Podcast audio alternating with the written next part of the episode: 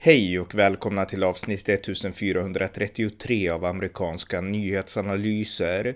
En konservativ podcast med mig, Ronny Berggren, som kan stödjas på swishnummer 070-30 28 95 0. Igår den 21 november hölls en julparad i staden Waukesha i delstaten Wisconsin när en bil körde i vild fart genom folksamlingen.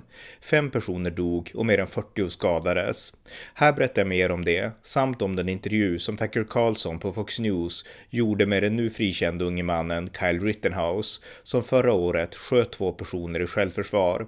En händelse som också den utspelades i Wisconsin. Varmt välkomna! Ja, jag tänkte då knyta samman två händelser som utspelats i delstaten Wisconsin. Och om vi börjar med den första händelsen, en tragedi som inträffade i söndags den 21 november i staden Waukesha i Wisconsin. Eh, I staden Vakesha så har man varje år en julparad där människor samlas för att eh, ja, njuta den analkande julen. Eh, här i Sverige så har vi ju, eller vi hade i alla fall förr i världen något som kallades för skyltsöndag. När man gick ut i början av advent tror jag. Jag minns inte, jag var nog barn senast jag var på en sån.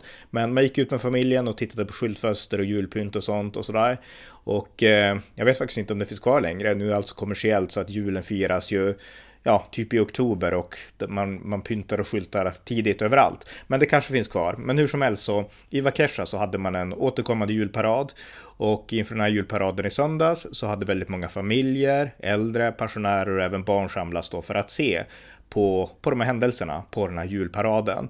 Och det som hände när man stod där och ingöt julstämningen, det var att en bil som kördes av en svart man, en 39-årig man som heter Daryl Brooks Jr, eh, gasade in i full fart eh, och bröt igenom eh, ja, stoppen, bommarna eller barrikaderna som man hade för att skärma av julparaden. Eh, han körde in där i full fart med sin bil och eh, gasade rakt in i folkmassan.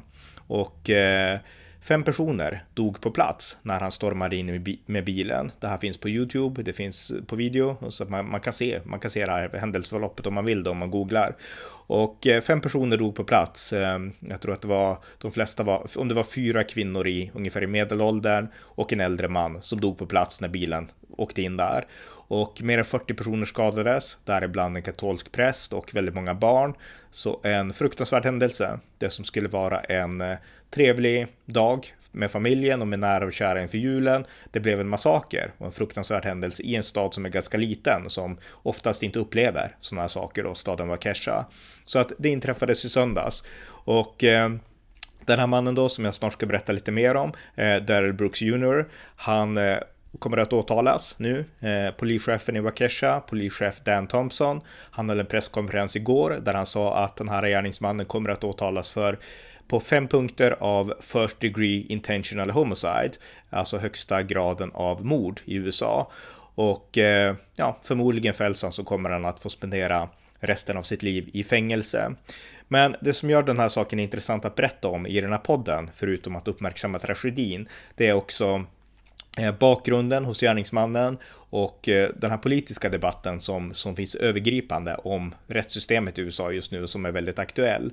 Eh, den här 39-årige mannen då, Daniel, Daryl Brooks Jr, han var en gangsterrappare, en svart man men en gangsterrappare och det är intressant här i Sverige inte minst, för här har vi pratat om gangsterrap de senaste veckorna efter mordet på den här uh, unge mannen i Sverige då, Einar, som också var en gangsterrappare och som, ja, eh, använde, liksom, ja, var en del av en våldskultur och gjorde musikvideos och liknande. Och Daryl Brooks, han var också en rappare då. Han hette Mathboy, Math, alltså matte, M-A-T-H, Boy, B-O-I, hette han. Det var hans Mathboy, det var hans eh, gangsterrap-namn. Och eh, jag tittade på en, en av hans musikvideos igår som heter Fly Half a Ticket, där han då Ja, han rappar och eh, han gör de här klassiska, de här liksom gesterna med en pistol liksom handen som en avtryckare som man riktar mot kameran och sådär som är ganska ja, vanligt förekommande i de här gangsterrap-videorna. Så att eh, han levde lite grann i en vapenkultur, eh, den här personen, eh, och var en gangsterrappare då. Eh, och han har också en historia av många olika brott, småbrott, marijuanabrott och eh, ja, även misshandel av flickvänner. Han hade barn med minst tre olika kvinnor och, och sådär. och han, eh, ja, han har en historia brott helt enkelt och han har även försökt köra över en del flickvänner och sådär. Jag ska berätta om några specifika händelser, men innan jag glömmer så två saker som är viktiga att betona. Det här brottet på marknaden då i Vakesha när han körde över människorna med bil.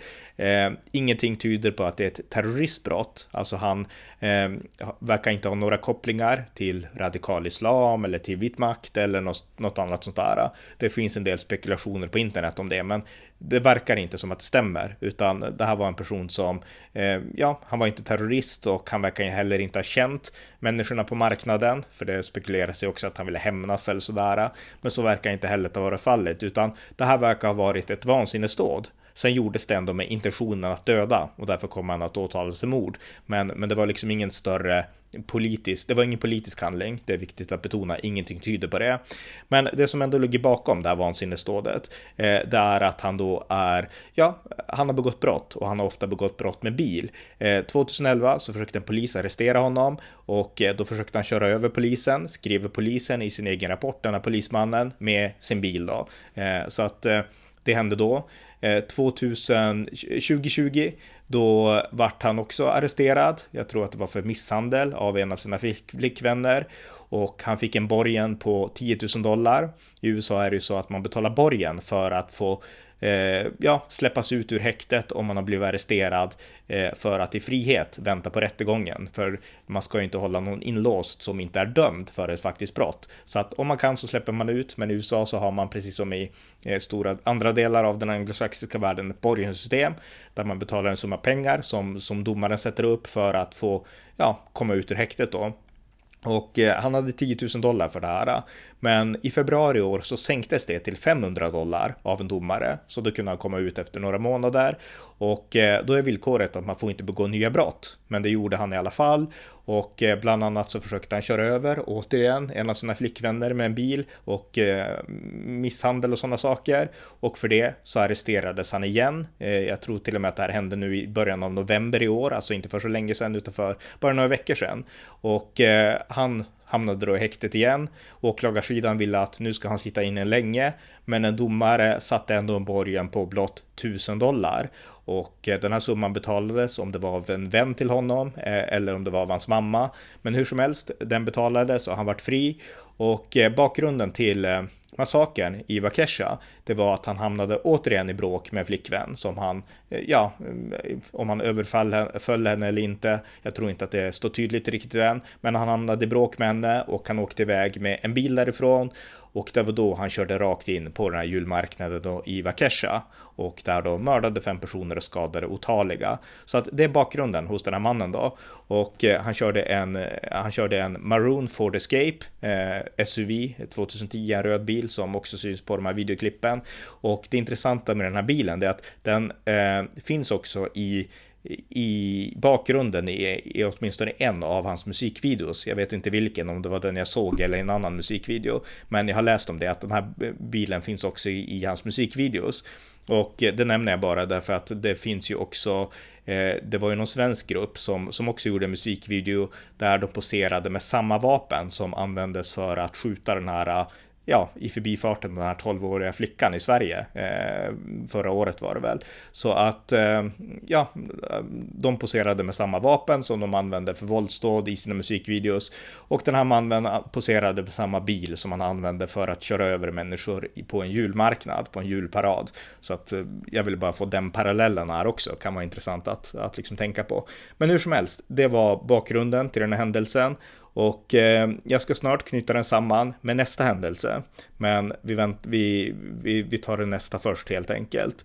Och eh, den andra grejen då som jag också vill prata lite om, det är Kyle Rittenhouse. Eh, Kyle Rittenhouse är ju den här unge mannen som förra året, när han bara var 17 år gammal, eh, befann sig på platsen i, i staden Kenosha, också i Wisconsin, för att där skydda eh, ja, ett, eh, en bilverkstad mot de här, eh, ja, den här våldspöbeln helt enkelt. Antifa och Black Lives Matter som protesterade i Kenosha den 25 augusti förra året. Och i den processen så blev Kyle Rittenhouse påhoppad av en pöbel eh, som hetsade mot honom och jagade honom. Och han var beväpnad med, med en eh, AR-15 och eh, han försökte ta sig därifrån, sprang på en gata, snubblade och blev påhoppad av tre personer. Han sköt, två av de här personerna dog och eh, Kyle Rittenhouse hävdade nödvärnsrätt och för några dagar sedan så fastslog juryn i domstolen i Wisconsin att eh, Kyle Rittenhouse ska frikännas för att han agerade i nödvärn. Och det här är ju ett, ett friande som har hyllats av väldigt många konservativa, inklusive av mig, för att det här upprätthåller USAs liksom historiska rätt till självförsvar, the second amendment och liknande. Så att jag tycker att det var fantastiskt att han var friad eh, och jag har ju poddat om det tidigare.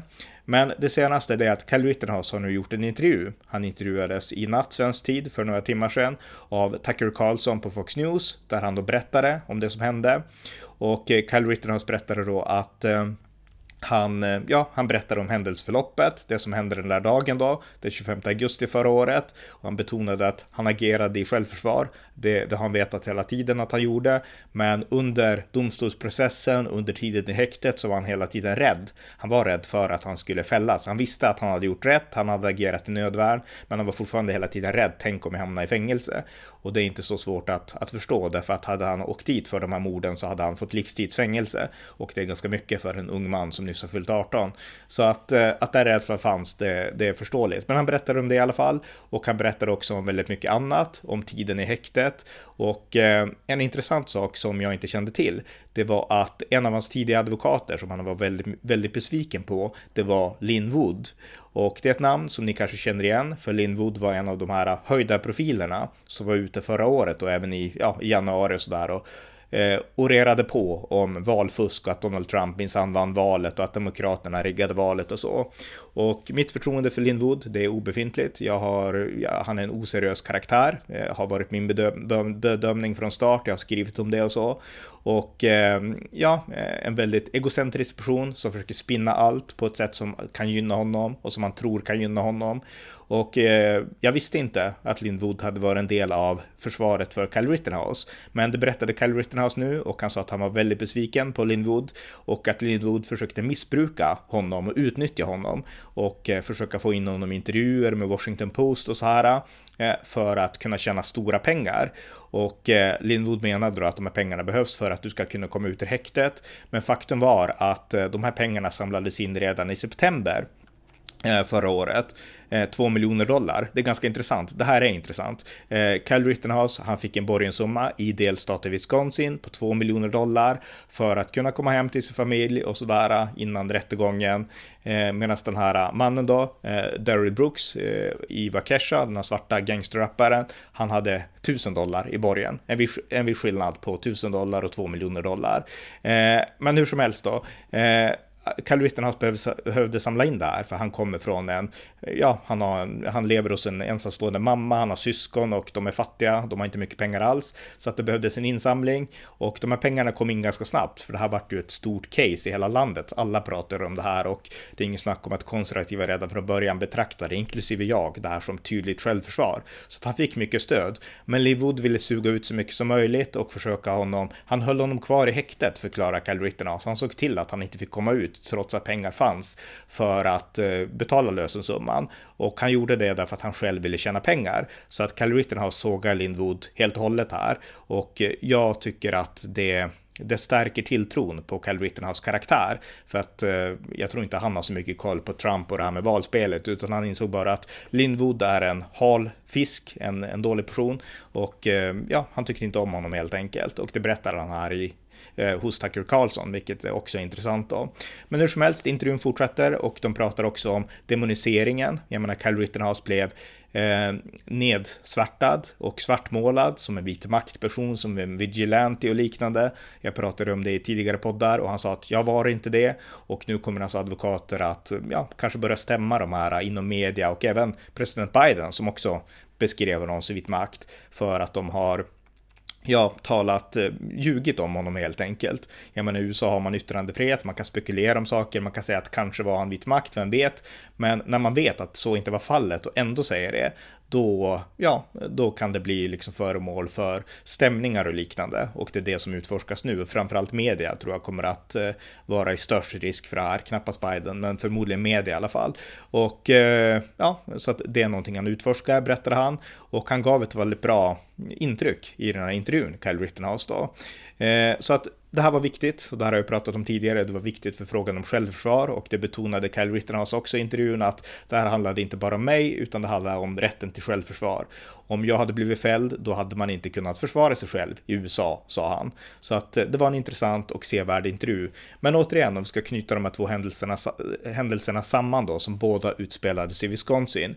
Kyle Rittenhouse hade alltså 2 miljoner dollar i bail för att få komma ut och han satt flera månader i häktet. Eh, Daryl Brooks Jr hade 000 dollar nu senast, han har ju suttit tidigare också, eh, i bail och eh, han fick komma ut väldigt snabbt. Eh, och eh, det är problematiskt och nu har det uppstått en diskussion om hela det här borgensystemet i Wisconsin framförallt, men i dess helhet också. Och det som är intressant, jag har ju sagt att den här personen då är svart, Daryl Brooks Jr, gangsterrapparen som stod bakom massakern då på julmarknaden i, i Vakesha. Eh, det som är intressant, det är ju att väldigt många aktivister, de vill se en lägre borgensumma för att de menar då att svarta och andra, det de menar är marginaliserade grupper, de hamnar i häkte och eftersom de är fattiga och marginaliserade så har de inte råd att betala borgen så det blir ett orättvist system som gynnar de rika menar man. Eh, I det här fallet med eh, Daryl Brooks så, så var det ju inte så utan han, han, eh, hans borgensumma sänktes vid flera tillfällen så att han hade råd eller hans nära och hans vänner hade råd att, att betala ut honom. Och så var även fallet inför det här tillfället då när han gjorde sin massaker på, på julmarknaden. Så att eh, det är inte alltid så, men det är det som drivs ofta från vänsterhåll att vi måste få ett rättvisare system.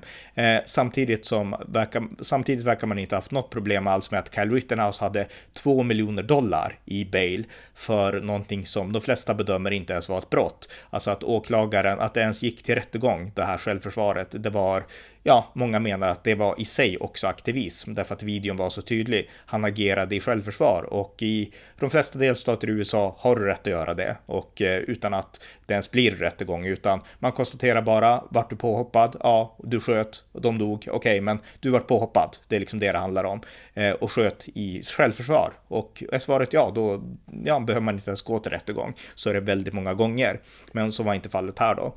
Men, men hur som helst, de, de här sakerna diskuterats eh, om just borgensumman. Och i, fråga, i förhållande till Daryl Brooks så menar de många konservativa att han borde haft en högre borgensumma därför att då skulle han ju inte ha kunnat komma ut och eh, utföra den här massakern då på julparaden. Och det är förvisso sant eh, att det stämmer. Men eh, Somliga konservativa argumenterar för något som jag också tycker är mycket sundare och det är att borgenssystemet fungerar dåligt i USA. Det, vänstern tycker det av sina anledningar, men högern tycker det också av sina. Och istället för att ha ett system där man eh, ja, i praktiken släpper ut den som har pengar. Eh, liksom den, den kan komma ut för det sätts oftast en hög borgen. Så bör man ha ett system som gör att eh, farliga människor aldrig släpps ut ur häktet. Alltså om du är en farlig person, en återfallsbrottsling eller det finns fog att tro att du kommer att återgå till kriminalitet eller till våld när du har släppts ut ur häktet i väntan på rättegången, då kan vi inte släppa ut dig. Det är ett sånt system man borde ha. Med ett sånt system så skulle Daryl Brooks Jr fortfarande ha suttit i häktet oavsett om borgensumman hade varit 1000 eller 10 000 dollar. Och med ett sånt system så skulle Kyle Rittenhouse ha släppts ut ur häktet oavsett om borgen hade varit 1000 dollar eller i hans fall 2 miljoner dollar. Därför att Kyle Rittenhouse var inget hot mot allmänheten och ingenting tydde på att han skulle begå nya brott eller åka iväg och skjuta fler personer. Medan mycket tydde på att eh, Daryl Brooks skulle återfalla i brott igen för att han hade en lång historia av att göra det.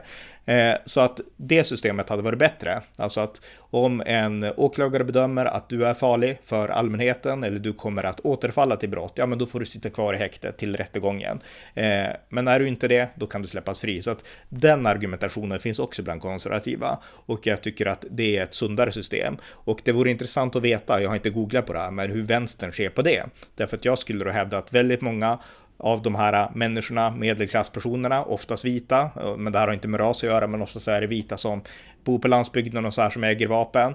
Eh, jag skulle tro att väldigt många gånger när sådana här eh, incidenter inträffar så skulle de bedömas som ofarliga och därför kunna skickas hem igen. Eh, Medan en gangsterrappare i en storstad som lever med vapen och vapenvåld hela tiden kanske inte skulle betraktas som ofarlig och därför får sitta kvar i häktet. Så att det intressanta vore att veta vad Black Lives Matter tycker om den här idén.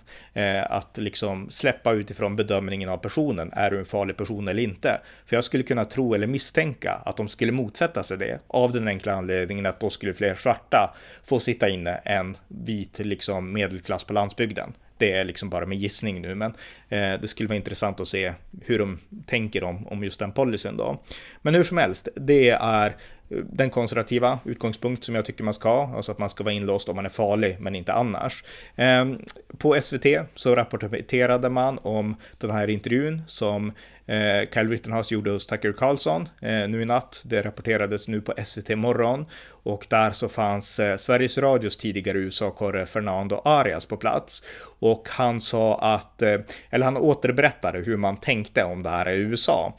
Eh, och då återberättade han vänstersidan väldigt bra, eh, Fernando Arias. Fernando Arias är ju själv, eh, ja, han själv ligger på vänstersidan eh, i, i de här frågorna. Han skrev en text förra året där han skrev att den amerikanska konstitutionen var inspirerad av vit makt och han fick det helt fel. Han kan inte konstitutionen eller liksom de här grundläggande bitarna som fanns i USAs tidiga historia. Det märks för jag kan de bitarna. Men eh, han kan inte det han skrev en jättedålig text om det här förra året som jag bemötte i en egen artikel på Nyheter idag.